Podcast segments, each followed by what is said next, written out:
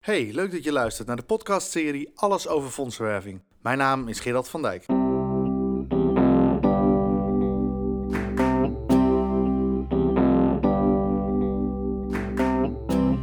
Je luistert naar een podcast van Krantio Fondsenwerving.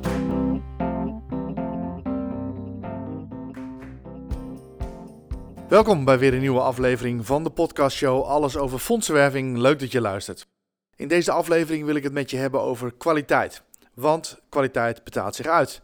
En dat lijkt misschien een open deur, maar dat is toch minder vaak een open deur dan dat je zou denken. En ik werd hierbij geïnspireerd door eigenlijk twee voorbeelden. Eén is eh, Steve Jobs. Ik heb zijn uh, biografie gelezen, de oprichter van Apple, inmiddels al een aantal jaar overleden. En ik was benieuwd naar, ja, wat drijft iemand om uiteindelijk zo'n groot imperium op te bouwen? Uh, wat was dat voor persoon en, en wat waren zijn positieve kanten en wat waren ook zijn negatieve kanten? En één ding die uit de biografie heel duidelijk naar voren kwam, is dat hij geïnspireerd was door het werk van zijn vader. De vader van Steve Jobs was een timmerman en die heeft hem geleerd dat de achterkant van de kast er net zo mooi uit moet zien als de voorkant van de kast. Ik weet niet of je wel eens een kast uh, gekocht hebt, maar het maakt nogal verschil of dat je die bijvoorbeeld bij IKEA vandaan haalt, die op zich prima kasten leveren, of dat je hem echt bij een uh, kwaliteitszaak uh, koopt waar ze hem handgemaakt fabriceren.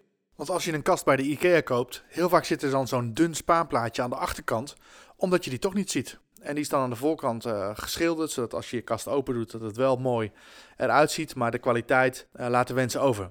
Dus je zou je kast eigenlijk niet om willen draaien. Uh, je hebt er ook geen reden voor natuurlijk, want de opening zit aan de voorkant meestal. Maar ook kwalitatief gezien, als je hem om zou draaien, zit je tegen een heel lelijk stuk spaanplaat aan te kijken. En de vader van Steve Jobs die leerde hem dat kwaliteit zit in alles, ook in de dingen, in de componenten die je niet ziet. Ik durf wel te beweren dat dat zich ook heeft uitbetaald in de ontwikkeling van Apple. Als je kijkt naar de producten van Apple, en misschien ben je een fan of misschien anti, beide is maar goed. Maar je kunt één ding in ieder geval van Apple zeggen, dat dat kwaliteitsproducten zijn. En ik durf wel te beweren dat dat de invloed is geweest, onder andere van Steve Jobs en vader, die dus, die dus zei: de achterkant van de kast moet net zo mooi en net zo kwalitatief zijn als de voorkant. Volgens mij is dat een ware les die wij als fondsenwervers ook kunnen gebruiken. Een ander voorbeeld wat ik recent tegenkwam is de firma De Sede, is een Zwitsers meubelmaker. En zij zijn begonnen oorspronkelijk als een zadelmakerij.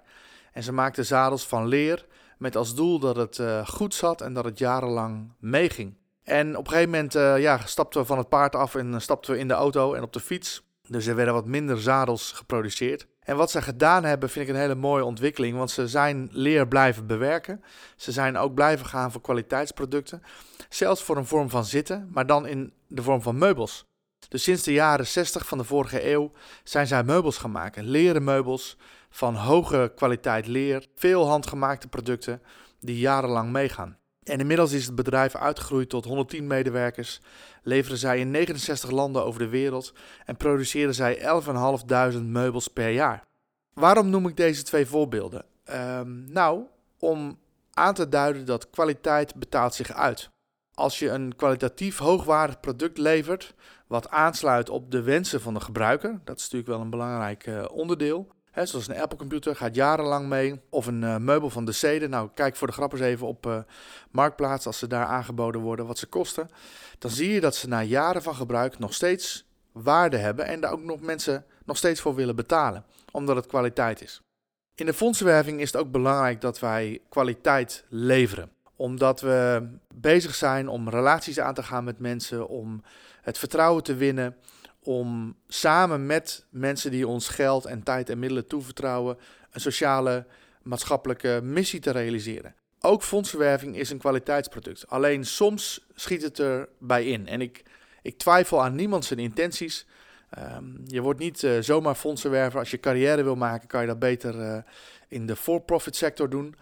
Uh, kan je veel meer geld verdienen en ook meer aanzien. Maar ik zie toch nog vaak elementen in de fondsenwerving bij bepaalde organisaties die niet kwalitatief hoogwaardig zijn. En dat is jammer, want kwaliteit betaalt zich uit. Daar geloof ik heilig in en daarom wil ik vijf punten met je benoemen die bijdragen aan de kwaliteit van jouw fondsenwerving. Voordat ik ze ga benoemen wil ik je vragen om um, ja, je hart en je gedachten voor deze vijf punten open te zetten. Want het risico bestaat dat als ik ze ga noemen, dat je eerste reactie is: ja, maar dat, dat is bij mij niet zo. Of dat werkt bij mij niet zo. Of ik ben dat juist wel. En als je dat doet, ja, dan kan je deze podcast net zo goed overslaan en een ander onderwerp uh, gaan luisteren.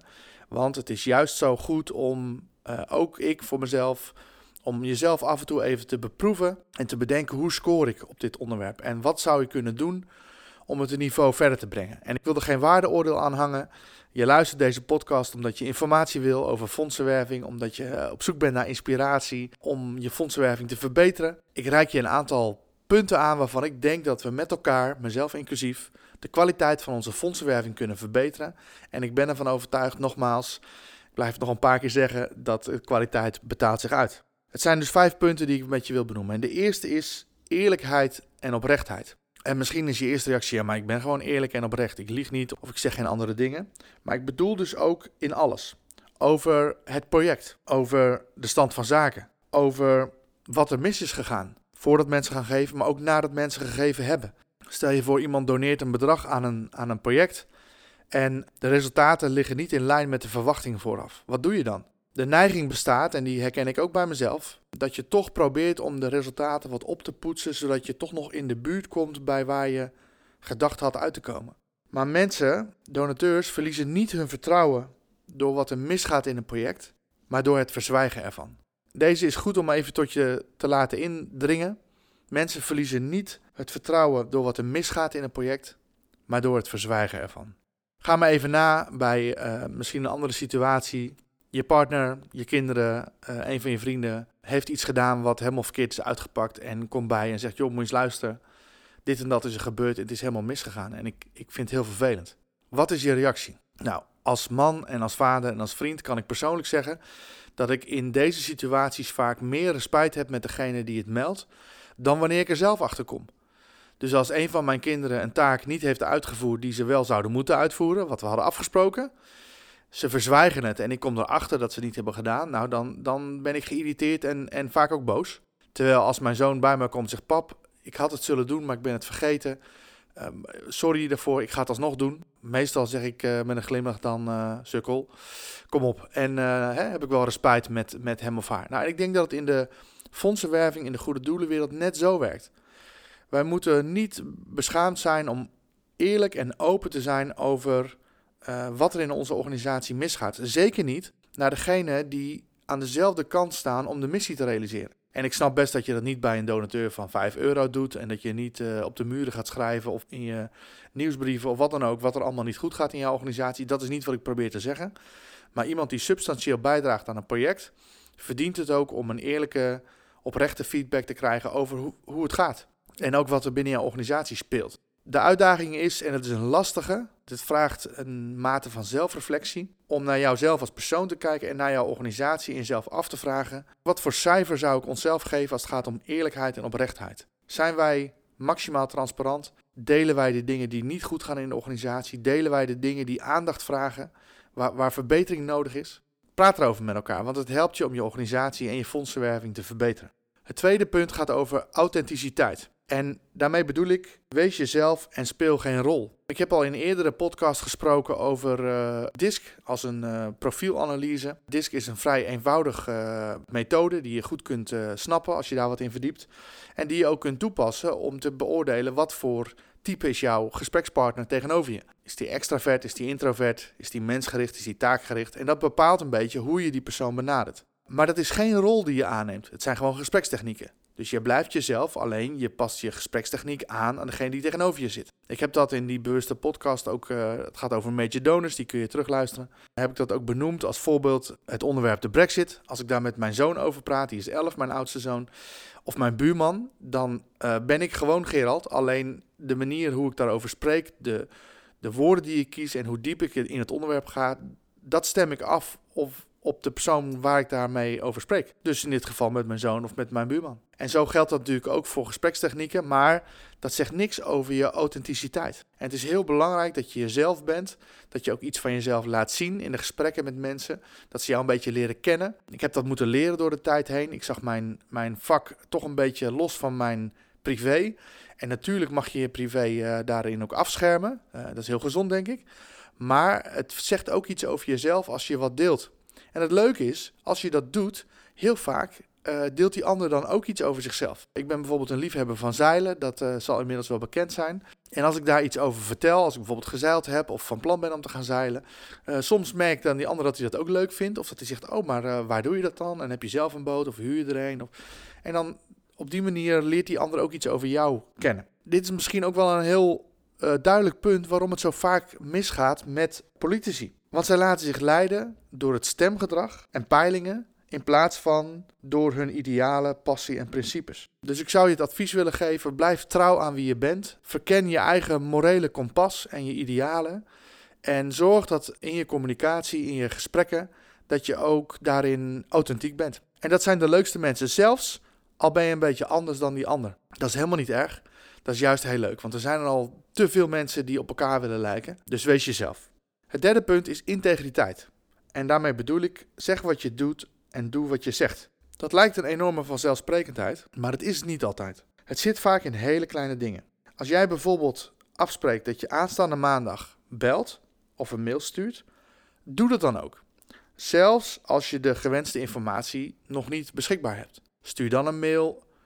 Beste Harry, ik zou je vandaag even mailen met antwoord op jouw vraag over dit en dit en dat. Helaas is het me nog niet gelukt om de informatie te verzamelen. Ik ben ermee bezig, maar ik kom er woensdag bij je op terug. En dan vervolgens kom je woensdag weer in de lucht. Zelfs als je nog steeds die informatie niet hebt. Want, en dan wil ik een spreuk uit de Bijbel uh, aanhalen. Ik weet helemaal niet of dat je gelovig bent of niet. Maar volgens mij zit hier heel veel wijsheid in. In de Bijbel staat een spreuk. Wie betrouwbaar is in kleine dingen, is het ook in grote. En ik geloof heilig dat dat ook geldt voor de fondsenwerving. Als wij met onze uh, donateurs of potentiële donateurs een afspraak maken en die komen we niet na, dan zegt dat iets over ja, misschien ook wel hoe we met hun geld en hun tijd en hun middelen omgaan. Dus als je al niet het na kunt komen om op het afgesproken tijdstip te bellen of te mailen, of op tijd te zijn bij een afspraak, of uh, de informatie aan te leveren die je had toegezegd, ja, hoe weet diegene dan dat je ook betrouwbaar om zult gaan met de toegezegde donatie? Dus het is heel belangrijk om in, juist in die kleine dingen betrouwbaar te zijn. En natuurlijk krijg je heel veel respect, omdat mensen ook wel weten dat je veel meer taken hebt dan tijd en dat je onderbetaald wordt. En het zal allemaal wel. Maar doe je werk met zorgvuldigheid. Neem die ander serieus. Wees op tijd op je afspraak. Liefst 10 minuten te vroeg. Want dan kan je nog even mentaal voorbereiden op degene die je gaat ontmoeten. Um, en zorg dat je afspraken nakomt. En als je ze niet na kan komen, meld dat dan. Bel diegene, stuur diegene een e-mail. Zeg: Het spijt me, ik zou dat en dat doen. Het is me niet gelukt. Ik ben ermee bezig. Kom er dan bij op terug. Is dat oké voor jou? En mijn ervaring is, als je dat doet, en het is me wel eens overkomen dat ik drie keer naar dezelfde persoon terug moest gaan, dat je dan wel respect krijgt, omdat je wel iedere keer op het afgesproken moment weer terugkomt met je bericht. Ik geef de voorkeur aan persoonlijke communicatie, want dat is veel beter dan een e-mail. En dan kan je ook even luisteren naar de, het stemgeluid van die ander, terwijl een mailtje moet je maar uh, interpreteren. Wie betrouwbaar is in de kleine dingen, is het ook in de grote. En die zou je wat mij betreft op een tegeltje mogen schrijven en boven je bureau mogen hangen. Uh, laat zien dat je betrouwbaar bent in de kleine dingen en ik weet zeker dat er grotere dingen aan je toevertrouwd zullen worden. Dus even resume, punt 1 tot en met 3 gaat over eerlijkheid en oprechtheid, authenticiteit en integriteit. En dan komen we aan bij het vierde punt. En dat is liefde. En daarmee bedoel ik natuurlijk geen romantische liefde, maar liefde in de zin van het beste wensen voor die ander. Dat lijkt heel simpel. En misschien dat je nu gelijk denkt, ja, maar dat heb ik en dat doe ik. Maar het vraagt eigenlijk om een principiële keuze. Want wat nou als die ander beter past bij een project van een ander goed doel? In een persoonlijk gesprek kom je erachter dat die ander meer interesse heeft in een andersoortig project.